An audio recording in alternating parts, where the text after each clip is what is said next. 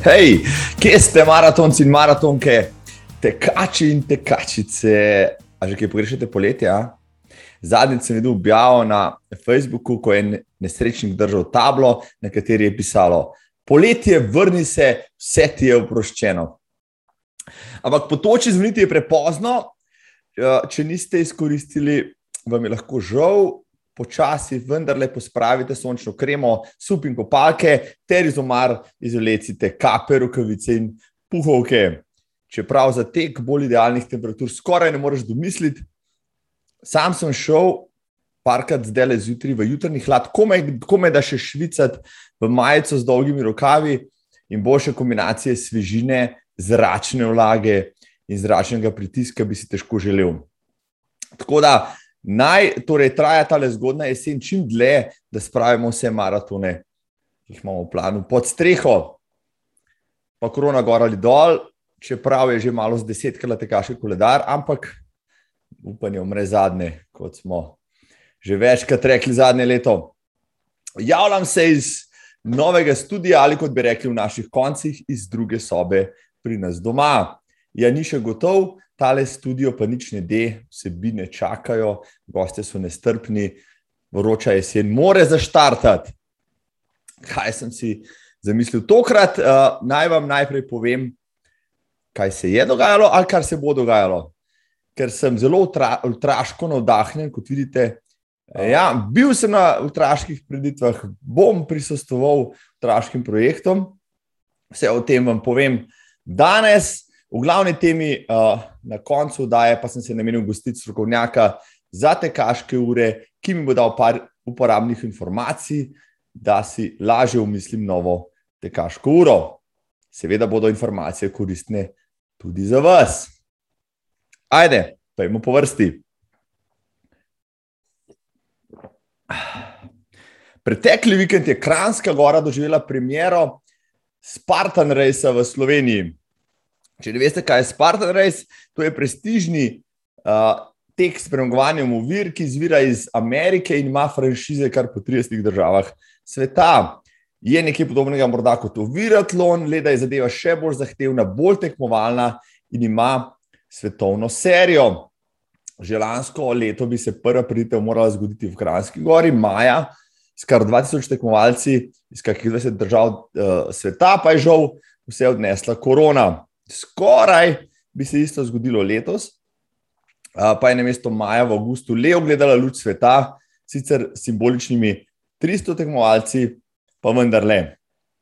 Premjera je šla skozi, da ne dolgovezim, sem raje poklical glavnega srce in dušo dogodka Simona Rožnika, direktorja agencije Extreme, ki je Spartan res pripeljal v Slovenijo.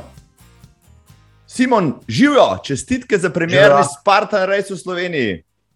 Hvala, hvala, hvala. Smo se potrudili, da je bilo res dobro. Kako si sam zadovoljen z izvedbo? Um, ja, lej, potem, da smo mi 2019 že začeli načrtovati uh, Spartan, pa da 2020 je bilo res dobro kazalo do COVID-a, uh, smo zadovoljni, da smo ga končno speljali na no, 2021.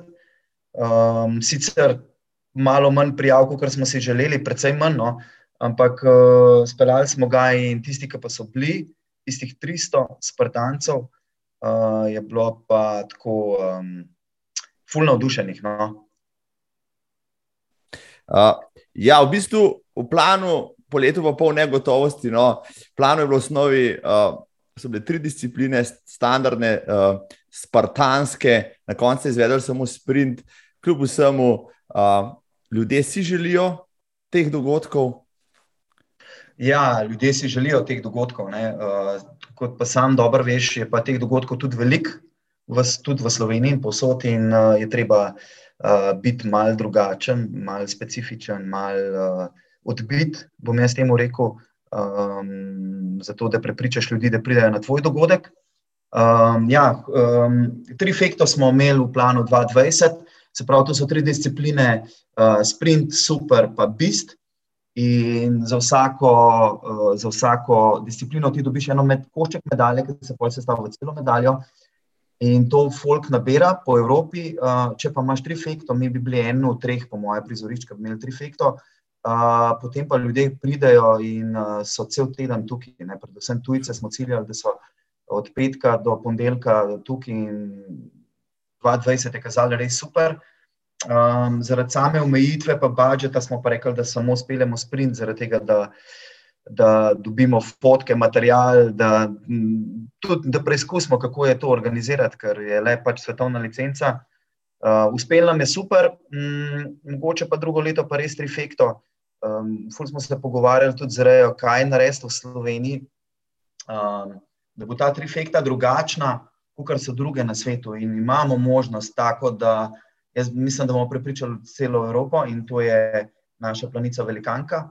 Se pravi, ena od uver uh, bo šla čez planico in uh, to bo slovenska uvera, kar se mi zdi tako dost dober PR. Uh, že zdaj, no, kar sem jaz lansko spremljal, PR je bil izvrsten, ste del uh, te svetovne serije. Uh, kako težko je bilo dobiti licenco, pa kako zahtevna je recimo organizacija takega mednarodnega dogodka? Ja, licenco je pač je treba prepričati lastnike licence. Um, tako da to smo jih prepričali, je pa zahtevno, predvsem ko, pač licence so drage. Um, tako kot Ironman, tako kot Spartan in podobni, ki so pač uspešne uspešne, uspešni projekti po celem Sloveniji, uh, po celem svetu, pardon, um, so licence pač temu primerne in uh, moraš preračunati, koliko prijav moraš imeti, da se pokriješ, ali je to možno. Um, Kranska Gora je blizu in Italija in Avstrija, pač Slovenija ima dobro pozicijo v Evropi, da prepriča tujce, da pridejo. Um, organizacija je pa tako, bom rekel, da je med Eh, med licenco in med samim budžetom je organizacija za nas še najbolj easy, zato ker pač poznamo dogodke, organizir, znamo dogodke organizirati tudi teže, ker je bil ta uh, tehnično. Um, tako da organizacija nam ne dela problemov nobenih. Uh, pa še to je, da so fanti, ki so postavljali vere, so slovenci. Ne? In uh, te bakti tim, pač oni postavljajo za cel zahodno Evropo in uh, vladajo. Tako da imamo srečo tudi to, no, da so Slovenci, ki postavljajo vire. Ne samo, da jih postavljajo, tudi tekmujejo, med drugim si, že prej si omenil, uh, kot ambasador in glavno tekmovalko dobil nikogar drugega kot Reo Kolbel, znano slovenko, ki živi v Ameriki, je večkratna svetovna prvakinja v Spartan Racing. Uh, Sama je napisala na Facebooku, da, se, da je bila počaščena, da je bila lahko del tega dogodka. Kako si jo pridobil in kakšni so bili potem njeni rekel, odzivi, glede na to, da je videla praktično cel svet in vse Spartan rese, kar so možni. Um, ja, Reja, Reja je res super punca, um, res super. In uh, moram tukaj povdariti, da imamo odlične športnike, uh, ki so tudi kot osebe odlični. Tudi Janjo Garnbret, recimo, ki smo imeli na, na plezanju Triglav Derok. Mislim, res vse naredijo, kar jih prosiš, uh, še več. Uh, in Reja je res uh, srcem pri Kranski gori, Spartan Rejsu. In uh, um, ona, ki smo pol, prvi tek je bil na čas, drugi tek je bil bolj fan. Ne? In smo šli skupaj na progo, drugič. Um, in sva se pogovarjala, in me celo pot budrila, da ne bo Spartan 2022 spet v Sloveniji in da bo res pomagala, da, um, da bo res pomagala in bila prava ambasadorka. Mislim, take športnike, ki imamo, smo lahko res zadovoljni in odlično. No, res, no, Rejna tistih, ki jo imam na reku. Short listano tam za gostje, za tale, za podcast, se bo uh, preko tebe potem dogovorila tudi za, za njo, ker je res izjemna športnica. Ja. Uh, Ampak, da je še, še nekaj drugega, me zanima. Uh, fantje, ki so postavili tole program, med njimi žiga, ko privnik ga poznam, je bil drugi, se mi zdi. Ampak, kako dobro mora biti organizirana dirka, da glavni organizator, pa direktor firme, nastopi na svoji dirki in se zavihti med prvo deseterico, Simon. Mm, to so izkušnje. Jaz mislim, da to je pač leta in leta organizacije siguren prvo, drugo, tretje, četrto, peto, šesto leto nisem uh, tekmoval zraven, ampak sem organiziral, tudi postavljal koše, pač bil uh, tudi na, pač vse, od začetka do konca sem šel. Um, zdaj zdaj imamo pa organiziran tako, da uh, in tle bi se res zahvalil moji ekipi, uh, Nini, Tomažu, Nejcu in zdaj še novi pomoči, imamo še eno Nino. Uh, res so super, da lahko pač jaz tekmujem na teh uh, tekmah, ker zdaj naslednji teden grem na Red Bull Goni Pony. Um, potem naslednji teden grem na Planico 400, Red Bull. Um, tako da imam še uh, pa še en dogodek delamo, ki ga bomo v tem tednu uh, lansirali in bom tudi tekmoval. Um, tako da mislim, res je super. No? Živim, živim ekstrem in uh, to, je, to je največ. Ne? In ko si na progi um, in ko poskusiš vse te doživetja, um, tudi sam si tekač, veš, kako je, kako je fajn, da si ti tekač in da organiziraš tekaške prireditve. Um, brez tega jaz mislim, da bi bila slabša prireditva. No. Sigur, sigurno ne bi delali, mi res delamo srcem. Uh, na koncu je valjda, seveda, tudi važen uh, finančni izplen, pa da ekstrem, kot agencija raste. Um, ampak v prvi vrsti se pa res borimo, da, um, da damo srce pa vse um, v projekt. No, pa še nekaj si pozabil omeniti, da boš še na svetovno prvenstvo zdaj mogel iti, ker si se plesiral, ker si očitno predobro treniral, uh, ker imaš še zmeraj malo tekmovalne žilice v sebi ali kar nekaj. Ja, ja, jo, imam. Ja. Um, tako da eh, je Spartan, to je moj drugi Spartan. Ne? Jaz sem samo lansko leto. Uh, Lansko, ja, ali pa celo 2019, v glavnem zima 2019-2020, sem šel v Kaprun zimskega, uh, super sem šel, se pravi 12 km. In uh, tam je šlo zelo dobro, čeprav nisem uver, uh, treniral, tudi zdaj jih nisem. Um, tako da tam kopije, imaš slackline, to pač neč ne treniram, um, zato sem kopije tudi zgrešil, žal, dražji bi bil rezultat, če precej boljši. Uh, ker ko ti uh, ne narediš overe, moraš narediti 30 vojaških poskokov. 30 je veliko, no, če jih probate, boste videli, da, uh, da ti puls precej naraste. In, ja, in potem moraš teči naprej, če hočeš rezultat, imaš novo vero in siguren, siguren je to bo posledica, sigurno. Um, tako da, ja, treniral sem zdaj le eno leto Spartan, uh, prej pa zelo rad pa kolesarem, pa tečem v klanc. Um, tako da mi je rad, ja, in sem bil skupno deveti in uh, um, dober rezultat, no, dober.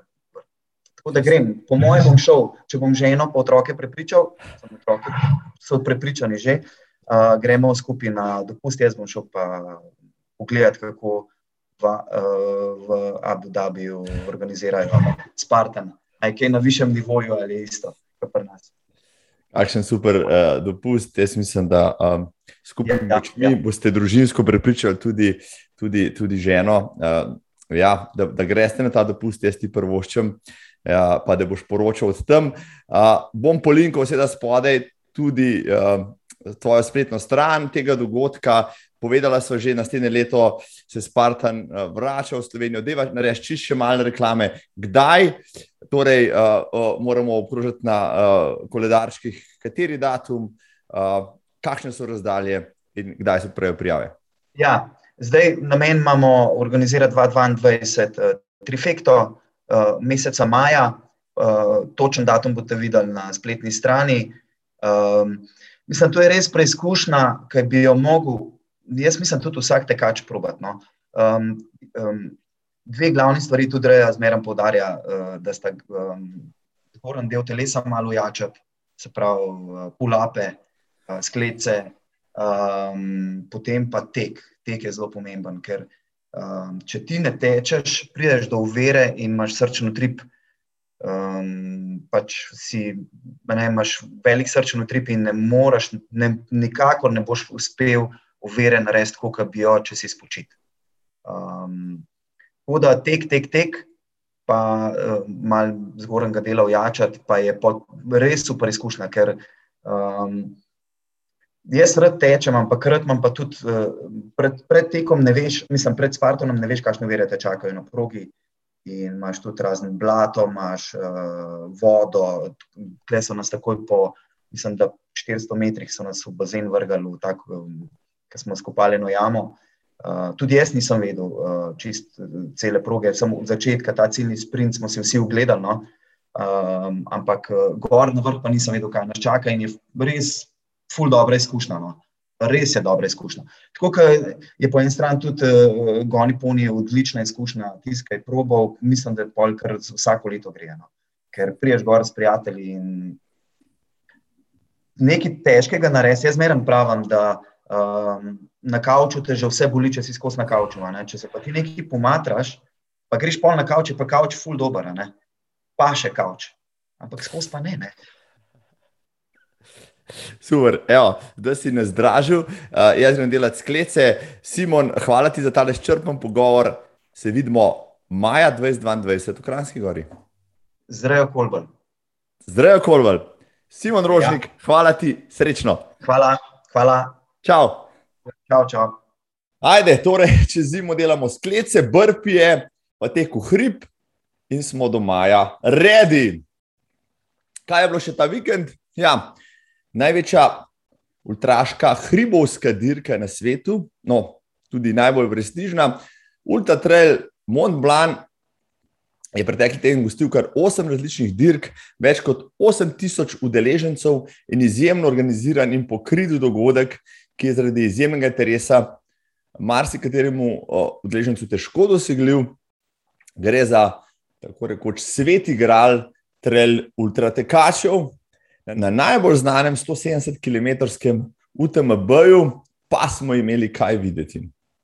Favorizirani francos François Dejaen se ni pustil presenetiti, s časom 2045 je pa že četrti zapored pokazal, da mu v švicarskih Alpah pač ni para.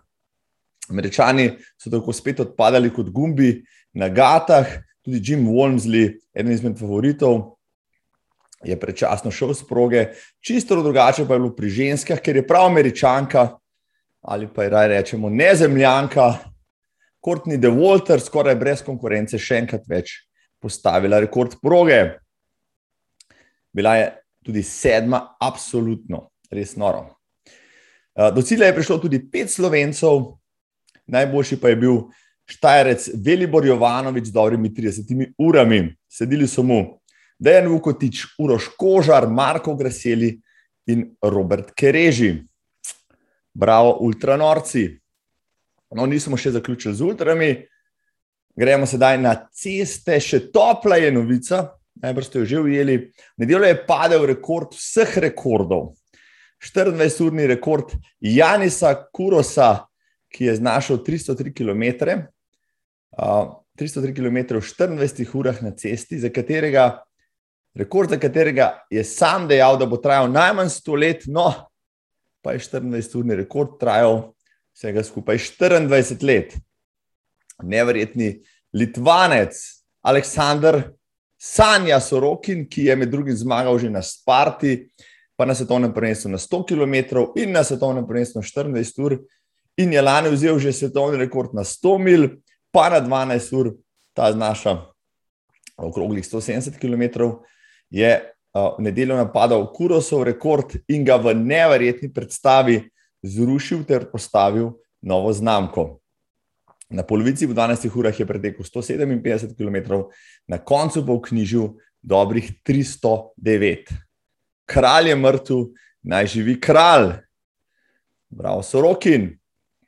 Lidovec je pač svoje lige ali kaj bi naredil uh, deset dni nazaj v Kranju, kjer sem prisostoval izvrstni slovenski tekaški prireditvi, Eh, slovenskem 12-urnem teku, ki sta ga Klemen Boštar in Maja Rigač spravila v življenje, tudi v teh koronskih časih. Tam sem kot moderator v 12 urah tudi s spremljanjem tekmovalcev spoznal, kako težko je teči hitro, zelo dolgo časa.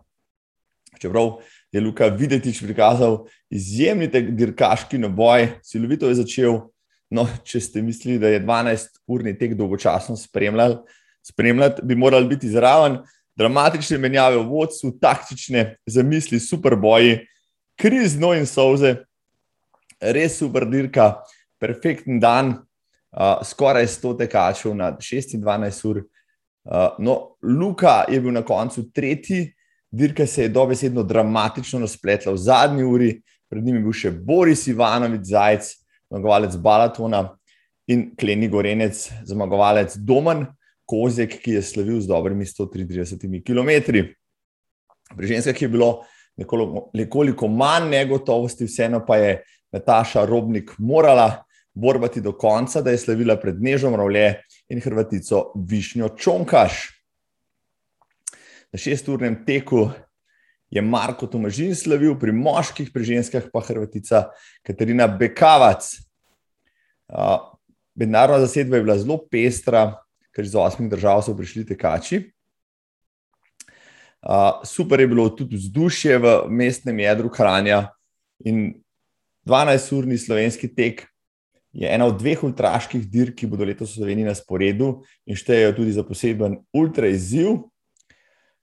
Vse od drugi dirki, ki šteje za naziv ultramaratonca in ultramaratonke leta, dirki se reče 100 mrzli reki in je državno prvenstvo na 100 km, pa mi bosta zaupala predsednica organizacijskega odbora Alenka Kobol in vodja tekmovanja Istok Kobol.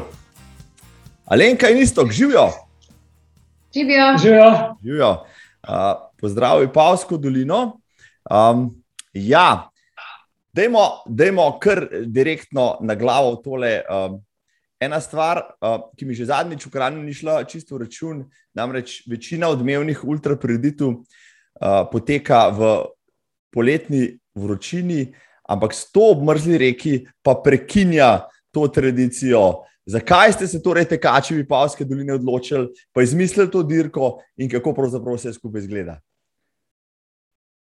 Ja, mi smo res decembra, uh, zato je moto naše Vipavske doline, uh, uh, Vipavska dolina aktivni čez vse leto, zato da se celo leto kaj dogaja.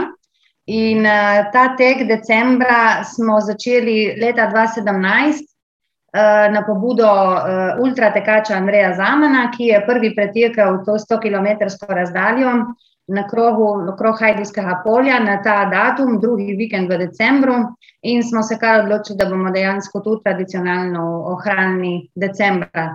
Takrat ni dosti tekaških prireditev kar je tudi uh, en plus, bom rekla, ker tekači, uh, predvsem spomladi in jeseni, bi bili na vseh koncih, decembra je mal te ponudbe malo in smo mislili, uh, smo si tudi mi no rekli, da tu je sigurno en termin, ki ne bi bil primeren za naš ultratek. Super. No, zdaj, isto, izvoli, prosim, Ti pa malo piši, uh, bom rekel, čist uh, plastično, kako vse skupaj izgleda. Tukaj so razdalje od 50, 75, 100, pa štafete in vse ostalo. Tako je.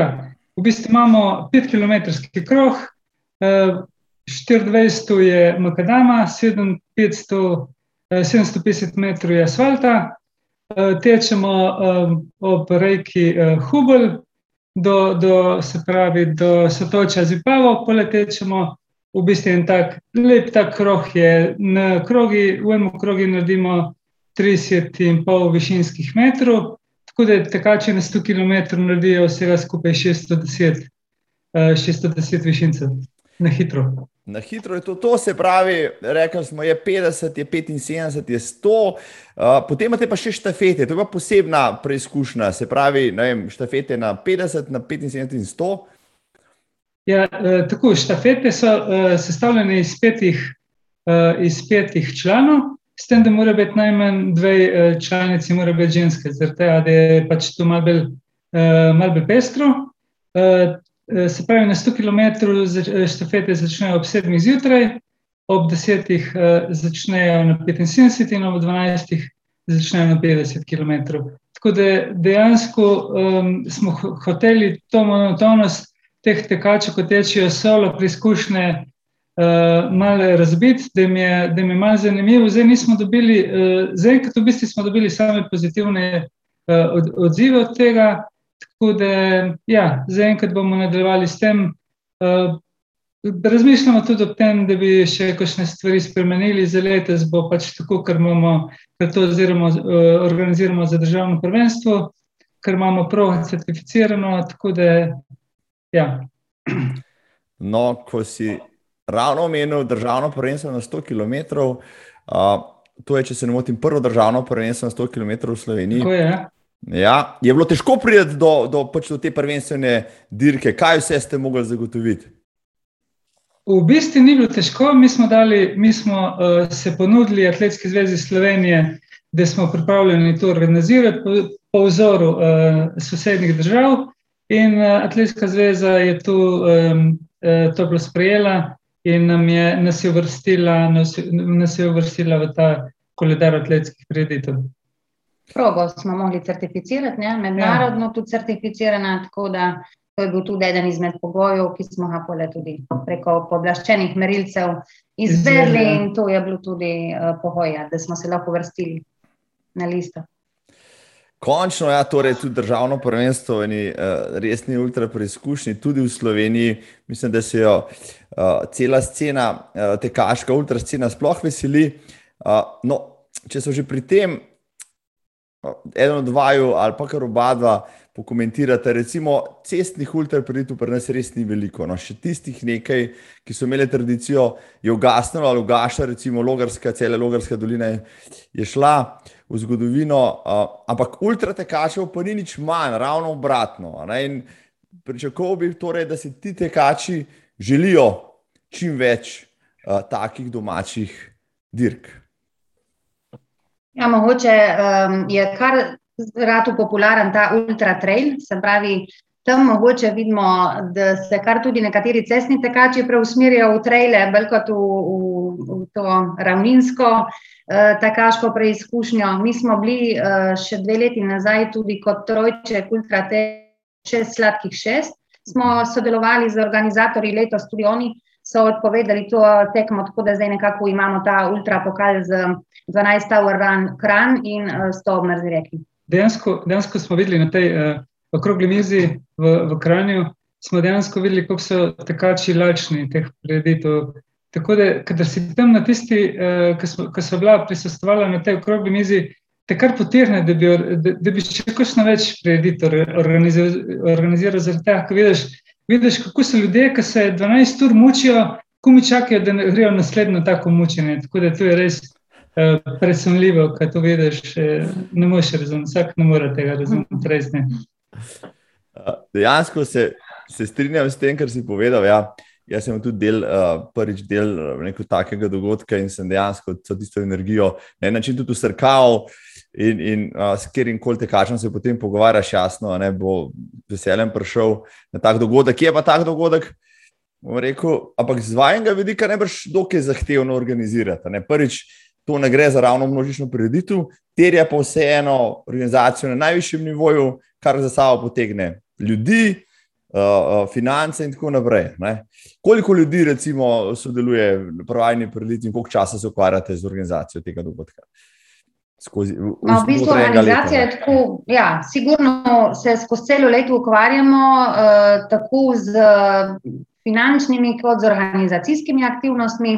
Uh, prostovoljcu, ki jo taka prireditev pri, uh, potrebuje, imamo tam okrog 70. Uh, tako da je problem, ker je tu zimski čas in tudi prostovoljci ne morejo biti na enem mestu cel dan, ampak jih nekako na dve uri menjujemo, kot če je burja ali pa če je dež in burja, kar je prnast lokdaj, skupaj je težko biti na mrazu tok časa.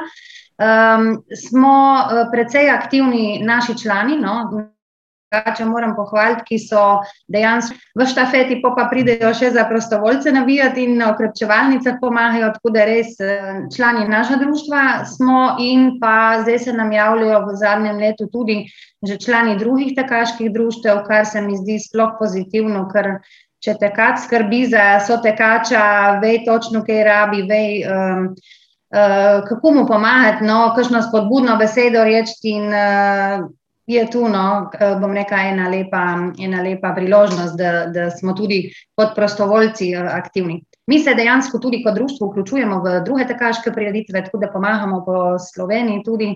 Uh, zdaj v septembru bomo na Ironmanu, oktobra na Ultra Trailu, Vipavska dolina, pa Ajdovski tek, tako da smo vse, vse stransko aktivni, tudi ko nimamo naša teka.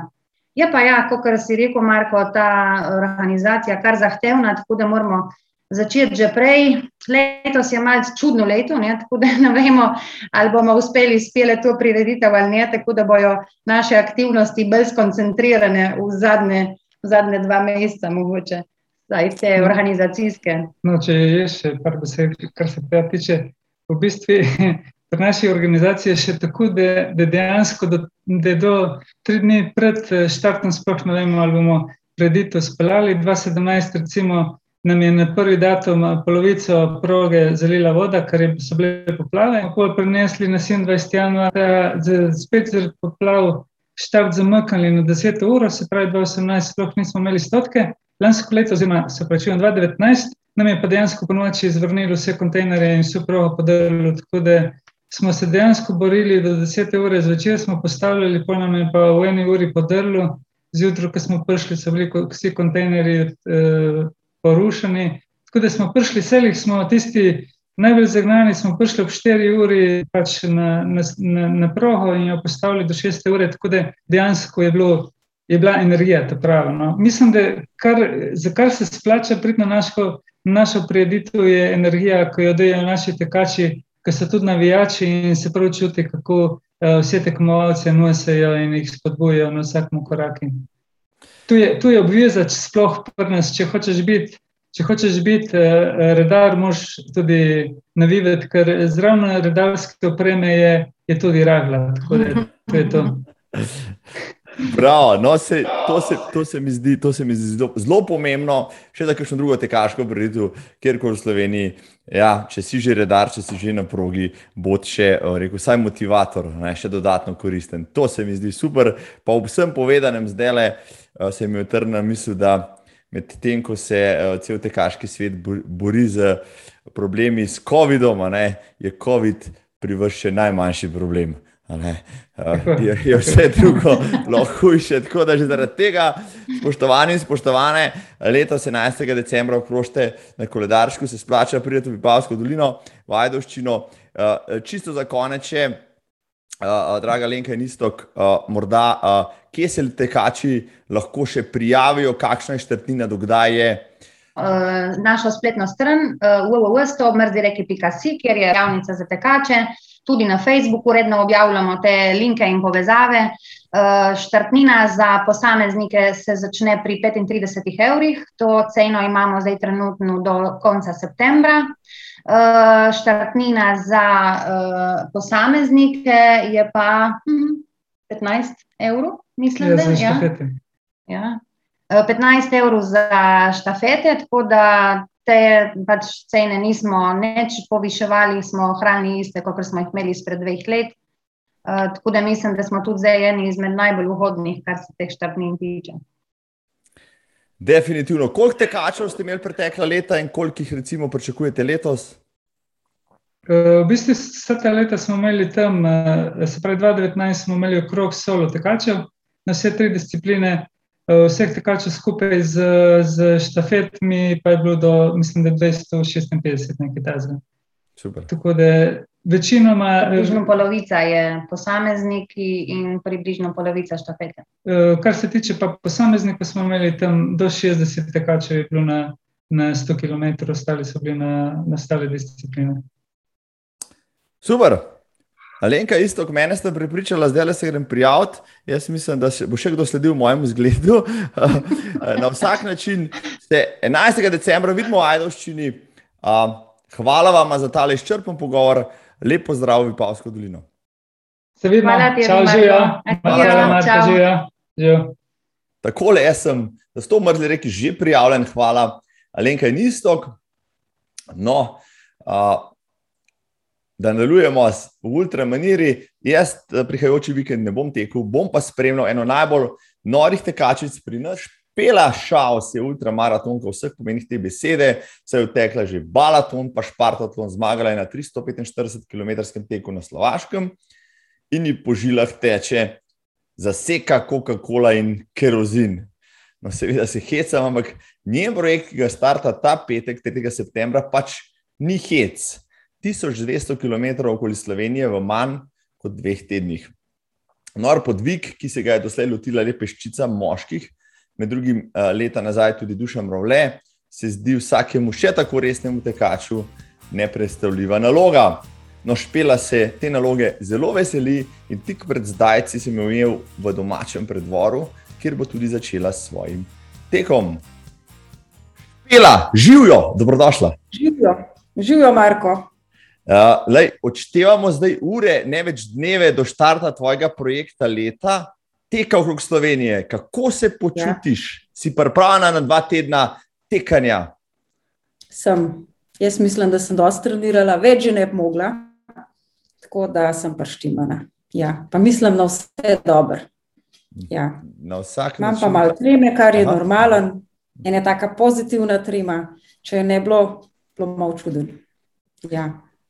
Uh, no, ne poznam veliko ljudi, ki bi se uh, tako zamislili, pa potem odpravili na 1200 km tek v, v recimo 12 dneh kje si pa ti dobila navdih, pa idejo za ta epski projekt, življenjski projekt? Pravzaprav. Življenjski projekt, ja, je to moj življenjski projekt. Ja, lansko let, ki je vse odpadalo, ki nič ni bilo, je meni kar nekaj manjkalo. Jaz moram vsak let iti na en tak dolg trek, uh, tek, uh, to ga lani ni bilo, in me je to takoj odpadalo, da misel sem rekla, jaz bi pa to naredila. In sva se z Rajko tam pogovarjala, pa sem jaz rekla, to sva se pogovarjala septembra, sem rekla, veš, novembra pa je lahko že tekla. Je rekel, ja, kako, to pa nagredko, je rekel za drug let. No? In pa je to tako bilo, smo tako delali, evo, zdaj smo pa klele. Um, ja.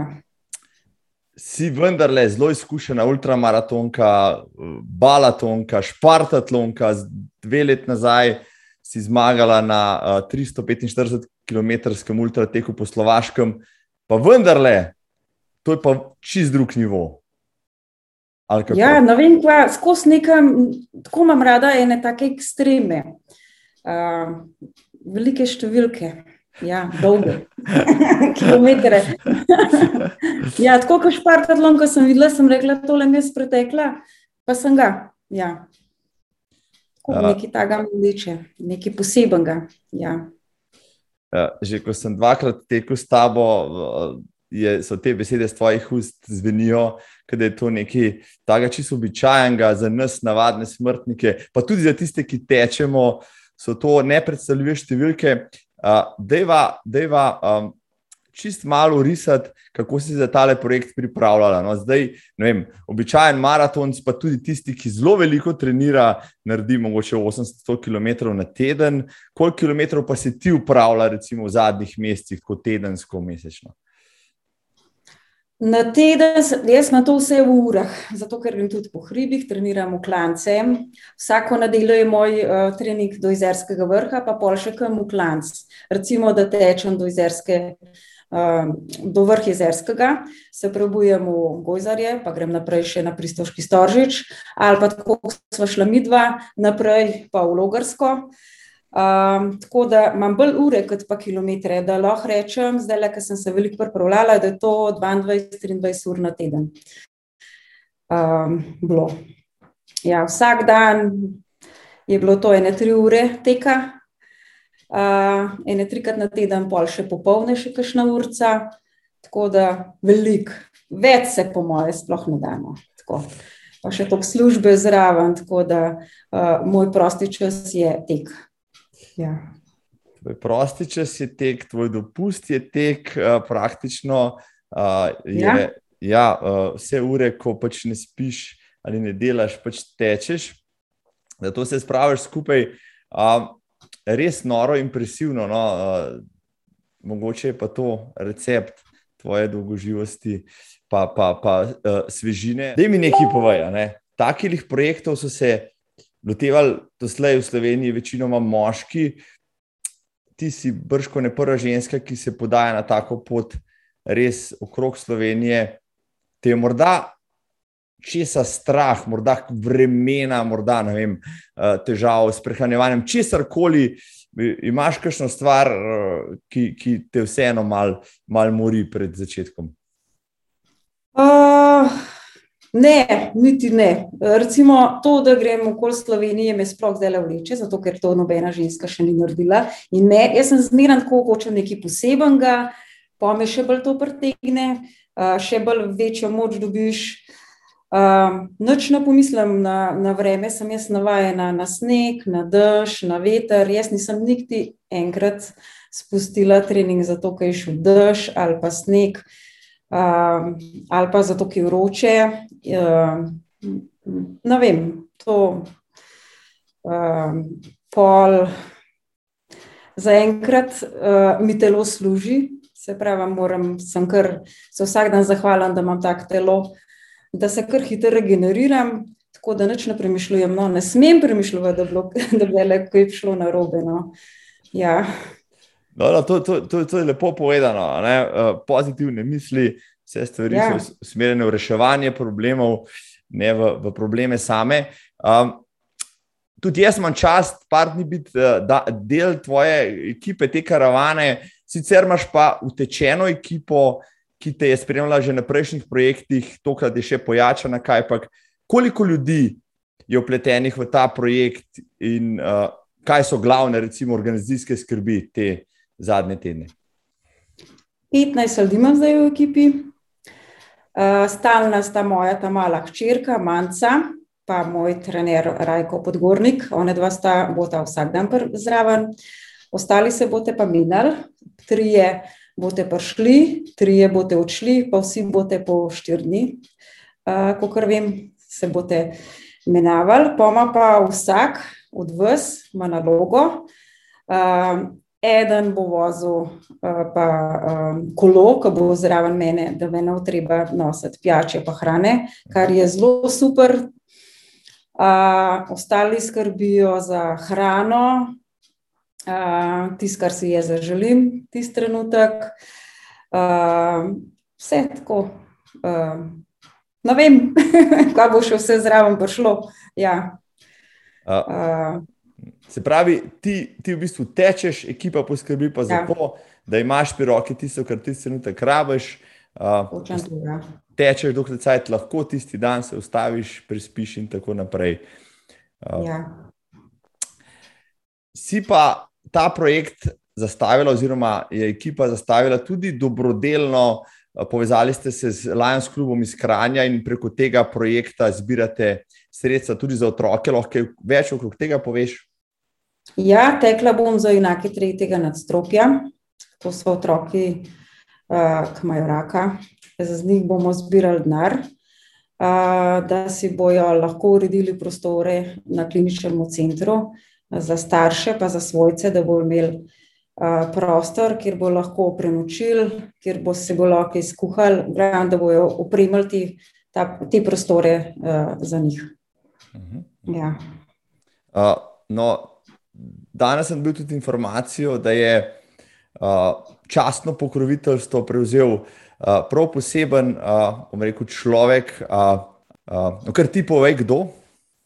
Ja, predsednik Borod Pahor, kar me zelo veseli. Uh, se mu zahvaljujem, res vsa čast. Ja. Uh, se pravi, evo, projekt na najvišjem možnem nivoju, v vseh pogledih, bo tudi medijsko odmeven, oziroma je že.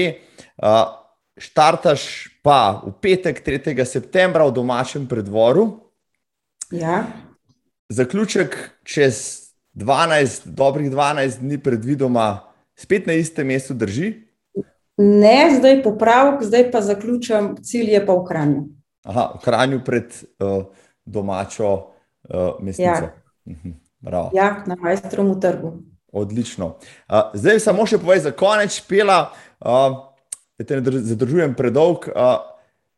Te bo mogoče kje spremljati, vem, da je dogodek zdaj odprt že na Facebooku, bo mogoče kje bojo kakšni updati, je to že dogovorjeno, ker bi te lahko tisti, ki pač ne bodo prisostovali tako ali drugače, lahko spremljali, kako napreduješ, kako ti gre, kje si in tako naprej.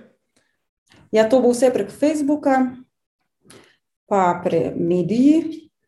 Uh, Drugač pa lahko se mi pridruži kdor, kdorkoli, kdo želi. Eni so se mi že napovedali, tako da se mi bo celo pot dogajal. Za me je to dobro, uh, a ne hitreje mine. Pa tudi tako, mene to recimo po koncu drži, uh, to je samo dobro. Ja, vsega bom vesela, da bo prišel. Uh, tako da dobrodošli. Ja. Evo, super vabilo tudi za vse, ki zdaj le poslušate ali pa gledate. Evo, špela začne 3.9. laufa izpred dvora proti Gorenski, čez na Primorsko do morja, čez Dolensko, Štajersko prek Murje in Koroško nazaj na Gorensko. Spremljate lahko vse skupaj prek Facebooka, da bom link spodaj, pa si pridružite, če imate le čas. Ko bom jaz zraven, bom tudi še en update, ki je objavljen, no, da boste lahko videli, kaj se dogaja, špela, kaj ne rečem. Skoraj tako, kot ti, nestrpno čakam že ta začetek, no, da se vse skupaj požene v tek, uh, v dir, potem pa, uh, ajde, čez, uh, da rečemo, da 15. da smo 14, 15. Ja, 15. septembra se pa vidimo v Kranu na Majstrovem trgu. Ja. Špela, spoči se, priprav se, se vidimo 3. septembra. Hvala ti. Hvala, enako, lepo se vaj, lep večer vsem. Čau. Čau. Hvala, Špela, si nevreten navdih vsem nam, posebej pa še dekletom in ženskam, ki morda tam zunaj še dvomijo, da so sposobne preteči kaj več kot samo maraton. Ja, svetovnih rekordov, dosežkov ne zmanjkuje tudi na cestah, na krajših razdaljah. Dobil sem informacijo, da je ta vikend padel, spet padel svetovni rekord v ženskem polmaratonu. Na Irskem je komaj 22-letna etiopika Juhalev na 21 km tekla, nevrjetnih 1,03-44. Res noro. Taka bo tudi brško na jesen, nekaj hitrih maratonov in polmaratonov nas še čaka v svetovnem merilu. Med drugim je napad na svetovni rekord v maratonu napovedal nihče drug kot Kenenisa Bekele, najprej v Berlinu, potem pa pravi, da se bo pojavil tudi na štartu v New Yorku. To bomo nestrpno spremljali. Pri nas tudi, kljub vsemu, tekaška sezona že teče. Sedaj nas vsak vikend čaka kupica tekaških dogodkov, med večjimi pa od tega vikenda naprej najprej DM tek, potem Triglav tek, Bovški maraton, Koniški maraton in Novomeški polmaraton. Uh, največji misterij je seveda Ljubljanski maraton, v naslednji tematski oddaji pa pokličem na timing, kako jubilejnemu 25. Ljubljanskemu maratonu na Ljubljanskih ulicah letos kaj kaže.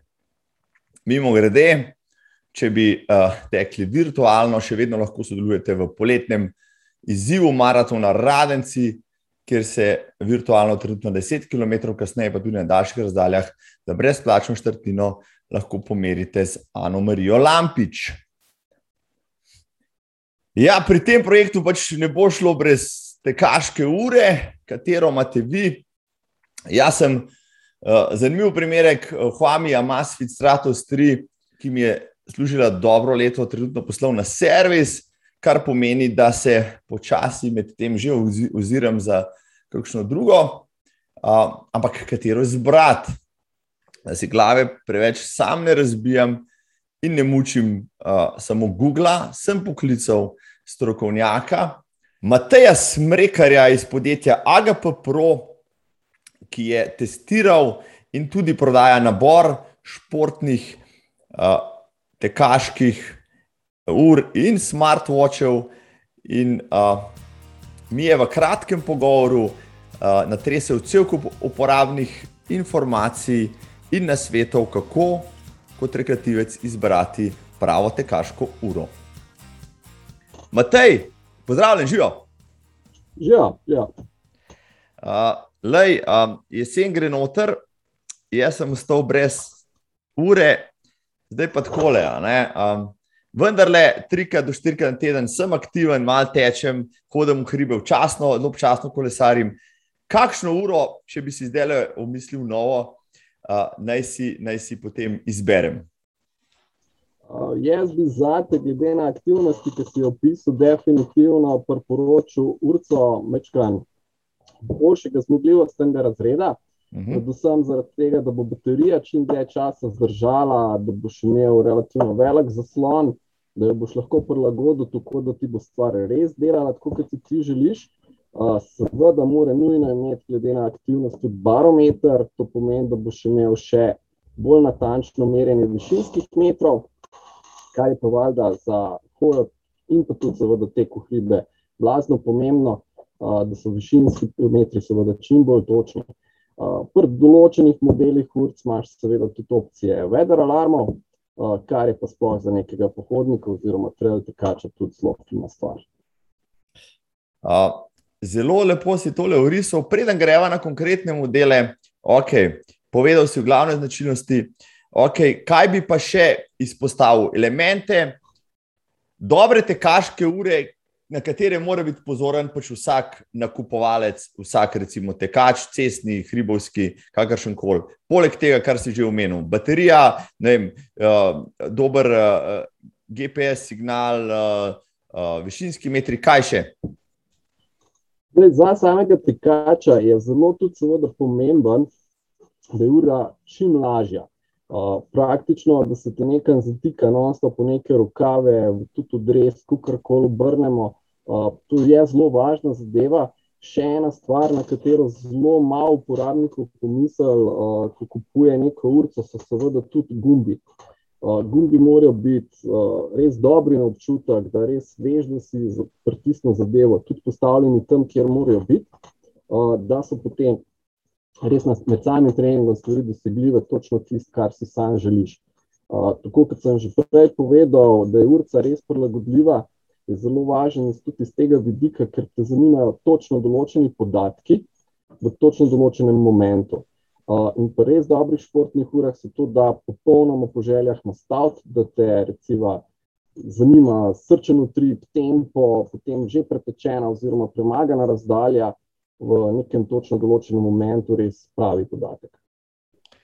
Uh, izvrstno, izvrstno predstavljeno tole. Um, že pred tem pogovorom sva govorila, omenil si, da je uh, letošnje leto morda nekaj manj novosti kot običajno, pa, pa, pa vendarle, uh, kaj bi izpostavil kot moče glavne modele tam zunaj na trgu, ki, ki trendirajo, ki so neko preizkušeni, ki si jih tudi ti sam preizkusil in ki bi jih lahko zdaj le ne nekaj naštel, pa, pa priporočil najni publiki.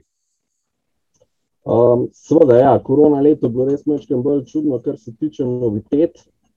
Uh, niso ravno neke firme, nekih velikih modelov dajale ven, tudi seveda so nekaj šparali določene uh, modele, da jih bodo dali ven, ko bo spet trg še bolj pripravljen. Uh, zdaj, tukaj treba tudi omeniti različne igralce. Se pravi, tri je recimo ta največji športni igralci, kot taki, uh, da jih omenim, uh, Polar, Sunto, Garmin. Seveda prihajajo tudi drugi proizvajalci, ki se zelo uveljavljajo, recimo Koros. Uh, so, vsak ima neke svoje novitete, vsak ima nek svoj pristop k sami problematiki, oziroma k samemu športnemu dosežku, oziroma športnemu feelingu, katerega bo dobil potem tudi feedback sam uporabnik. Tako da, kar se tega tiče, so razlike. Seveda, vsaka firma nekako teži k temu, da vsaj vsako leto ali pa na vsake dve leti dajo nekaj novega ven. Razlike so relativno minimalne, ampak so določenim uporabnikom blazno pomembne. Trenutno največje tiste razlike, ki so, so predvsem na področju avtonomije baterije. To pomeni, da so recimo iz treh let nazaj, če omenjam aktualne modele, so bile avtonomije baterije nekje tam 7-8 ur, ker seveda polni natančnosti GPS-a. Te avtonomije so se blazno povečale z novejšimi tehnologijami, spravo 30, 40, 60 ur so zdaj relativno že zelo normalne avtonomije za neko kvalitetnejšo športno uro. Uh, tako da, kar se takih stvari tiče, so to, potem so pa seveda tudi določene uporabniške stvari, ki so bolj vidne, smo čisto povprečnemu uporabniku, da so zasloni, barni, lepi, AMOLED displeji, spravo, da tudi na nekem soncu še bolj pregledna, zadevšna, uh, kar se posledično tiče, blazno, uh, blazno fina stvar. Tako da overall gledano je zadeva res uh, gre naprej, potem recimo tudi um, pri Garminu zelo pomembna zadeva ok senzori kot taki, kar posledično zdaj sploh pri koroni zelo aktualna zadeva um, posebnost kisika v krvi, kar je super podatek za tiste, ki jih to res zanima. Uh, tako da gre tehnologija naprej, sploh določenih smart funkcionalnosti, pej, glasba, malo kdo si želi muziko poslušati direkt iz ure, da ne nosi telefona s sabo. Uh, spet je pa to popolnoma odvisno od uporabnika, kaj si želi in tudi kam se bo seveda potem usmeril.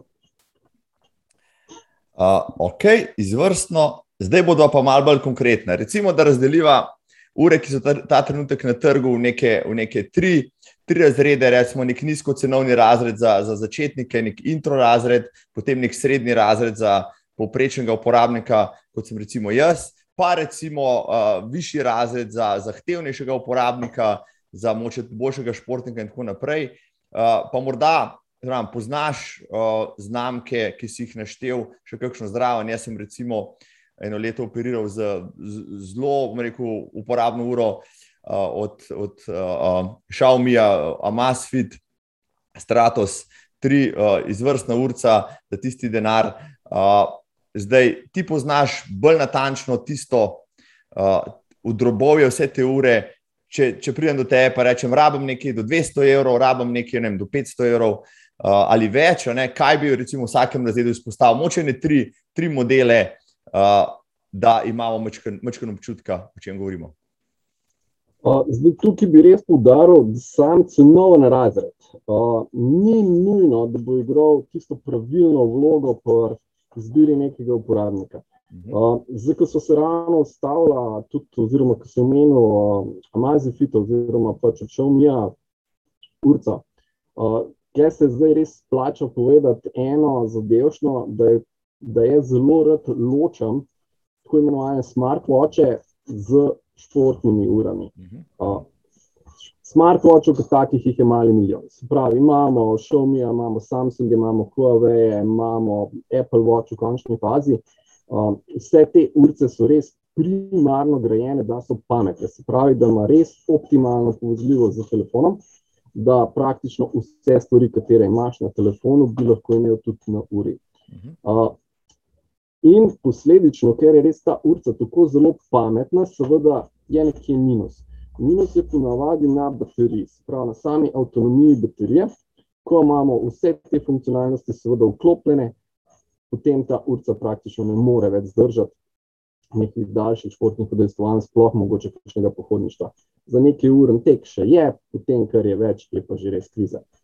Uh, temu jaz pravim, da je to se pravi uh, smartwatch z športnimi dodatki.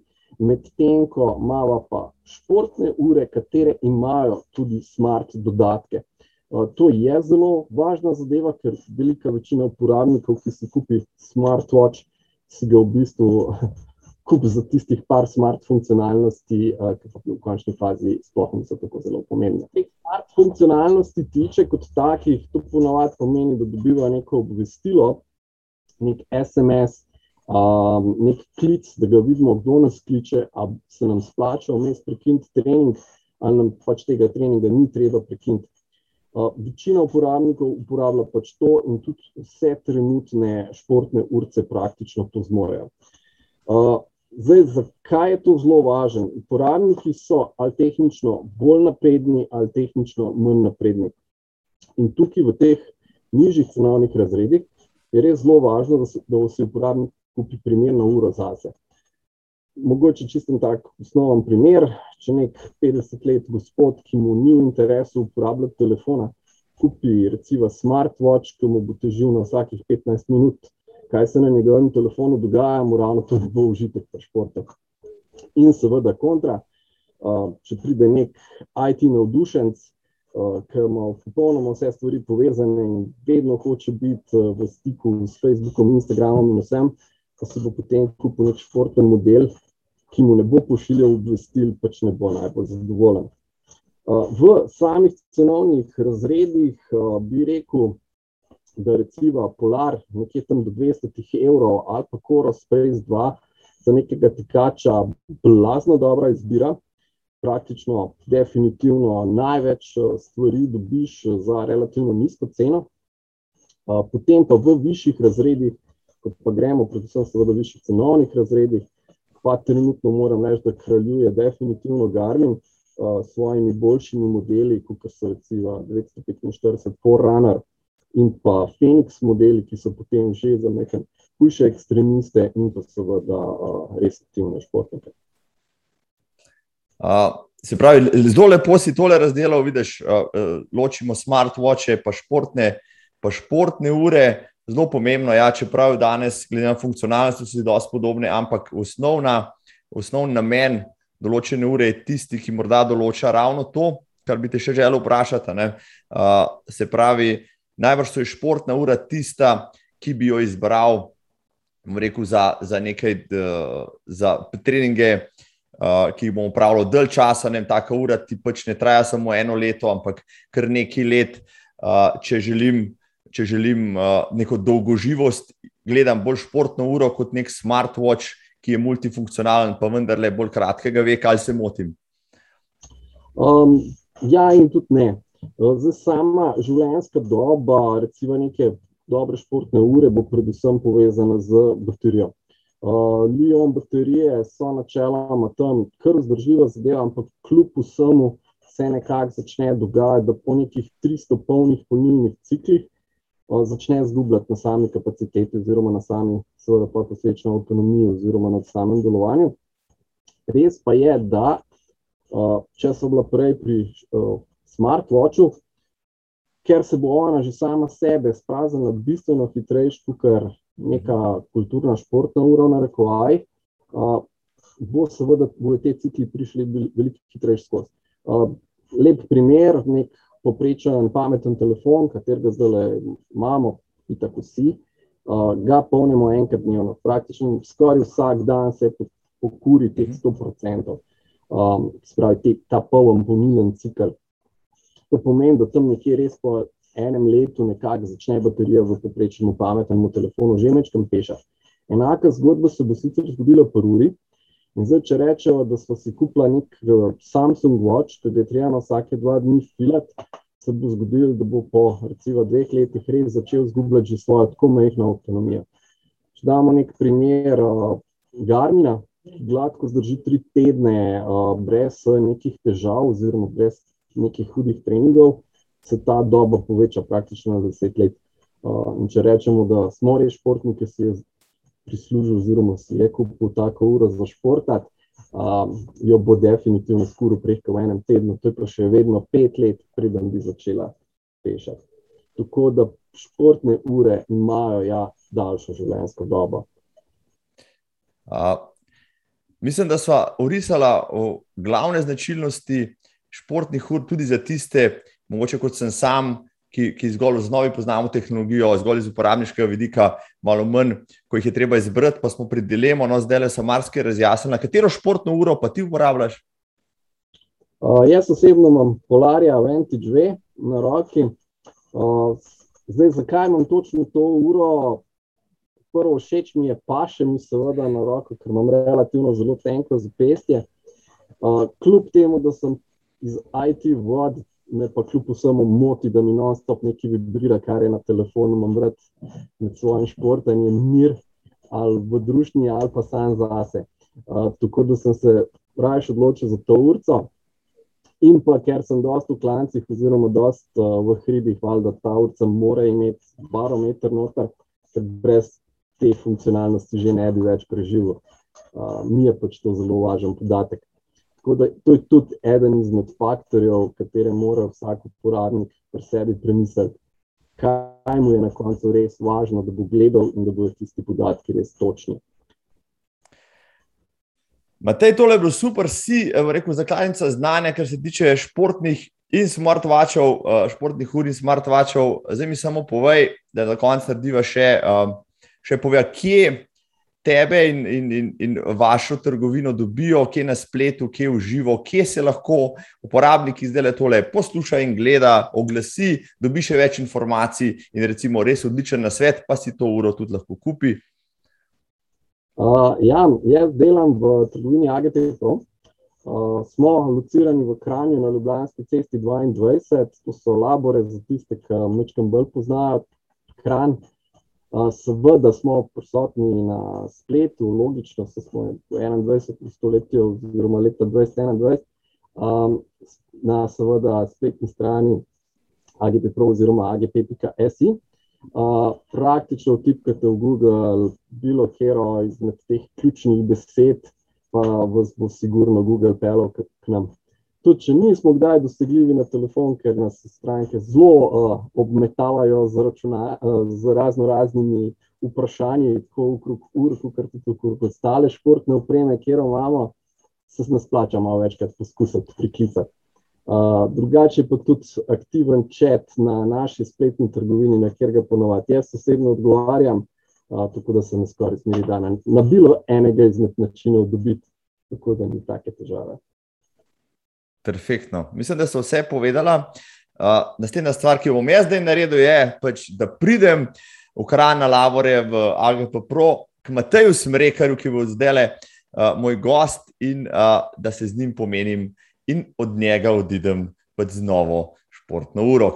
Matej, hvala ti, pozdrav v Kran. Hvala ti, tebi, Marko. Ajde, živo. Čau. Za še več na svetu in tudi za odlično izbiro ur se torej lahko oglasite v Kranju. No, zdaj pa še finale današnje oddaje, ker bogata tekaška jesen silovito trka tudi na moja, pa najbolj tudi na vaša vrata.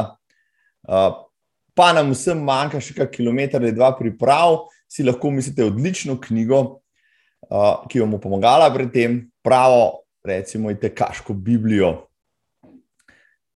Velika tekaška knjiga Herberta Stefnija, je domišljeni tekaški vodnik, ki so ga nemško govoreči tekači okronali za Biblijo, za rekreativne in tudi profesionalne športnike. Teoretično in praktično pa povzema najnovejša dognanja na tekaškem področju. Priročnik je namenjen tako začetnikom, rekreativnim in gorskim tekačem, kot seveda polmaratoncem, maratoncem in tudi ultramaratoncem. Štefni spodbuja in usmerja tekaške načrte vseh, tudi otrok, mladostnikov, žensk in starejših navdušencev. Za slovenski trg je Stefanja izvrstno prevedel Igor Jurič in knjiga Zadnja leta poganja treninge marsikaterega slovenskega rekreativca. Če vas zanima tek v vseh detajlih, če potrebujete uporabne šestedenske plane, treningov za desetko ali deset tedenski plan, recimo za polovičko ali maraton, potem je tale knjiga pravi naslov za vas. Za rekreativce, ki želijo prvo desetko teči pod uro, ali pa za izkušene maratonce, ki jim maraton pred dvema urama in pol predstavlja pravi izziv, je Štefni. Uh, tista izbira, uh, za katero vam ne bo žal, uh, jaz jo imam stalno noč v Marici in občasno prelistam, posebej pred to jesensko sezono. Uh, je velika tekaška knjiga tista, ki je za razliko od marsikatere instant treniške tekaške knjige, prava zakladnica znanja za vse čase. No in za konec, uh, kmalo bo menilo dve leti od zgodovinskega dosežka Elida Kipčogeja na Dunaju, ko je kot prvi zemljan tekel maraton pod dvema urama. Dvakratni olimpijski prvak je v teh dneh dočakal tudi svoj dokumentarni film. Kipčoge, The Last Milestone, je ura in pol dolg ep, ki pokaže, odkje prihaja najboljši maratonec vseh časov, kako je odraščal, kaj ga žene z njo dan in kako je skromni Kalenjin postal sinonim za maratonski tek, ki ga je na Dunaju leta 2019 kronal zgodovinsko predstavo. Izjemno navdihujoče, še dodatno zato, ker bom sam naslednji teden, ako bo sreča, mila, ravno po tisti Dunajski vini, kjer se je pisala zgodovina, tudi sam tekel Dunajski maraton. Link do filma je spodaj. Zanj boste odšteli par evrov, če pa vas zanima, kje ga še dobite, mi javite, pa vam pomagam. Obvezen ogled za vse, ki vam je tek integralni del življenja. Jaz sem ga pogledal že dvakrat. No, če vam tek še ni tako pomemben, vam bo pogled tega filma, slejko prej postal. Pa še manjša zanimivost. Veste, kaj je Kipčoge dejal pod svojim drugim osvojenim olimpijskim naslovom? Sedaj je svojo zbirko velikih dosežkov, pravično krov z vsem možnim, zdaj lahko res izbira, kje bo nastopil in kaj bo še počel. No, on je pa dejal, no, po koncu maratonske kariere in zaključujemo zdaj v isti maniri, kot smo začeli. Bi se rad preizkusil tudi v ultramaratonskem teku. Vedno me je zanimalo, je dejal, kako je teči 4, 5 ali 6 dni skupaj, ali pa vsaj kakšno bolečino človek eh, doživi, ko v kosu preteče vsaj 70 km. Tako da, evo, tudi veliki kipčoge se enkrat kani pridružiti veliki ultramaratonski družini. Super. To je to, hvala za pozornost, spoštovane in spoštovani. Dirkamo naprej, javite se kaj, tole 58. epizodo, pa le delite in priporočite, lahko pa seveda tudi donirate, linki spodaj, ne bom zameril, se vidimo tam zunaj, ostanite zagreti za tek. Jauza!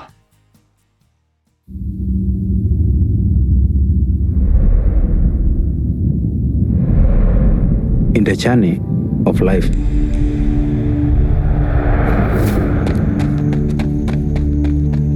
there is ups and downs. In marathon, there is a lot of challenges, ups and downs.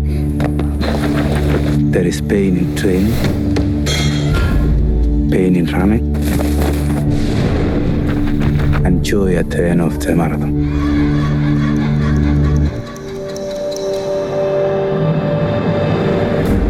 Welcome to Vienna, Austria, where Kenya's Eliud Kipchoge will hope to run 26.2 miles in under two hours, and in doing so, beat one of the great sporting barriers of our time. Everybody should believe in his own capability. You are seeing somebody here with a mind that if he puts it on something, nothing will distract him from it. The moment the gun goes, then that is it. If it happens, it will be an incredible inspiration. It's not about the color or where you are born. It's about working hard. I still believe that breaking a two hour marathon is impossible. If not now, when? And everything just stopped. It was like a solar eclipse. We wanted to make history and inspire the human family. Everybody should believe that's what makes us grow and push and push again. So I can say, marathon is life.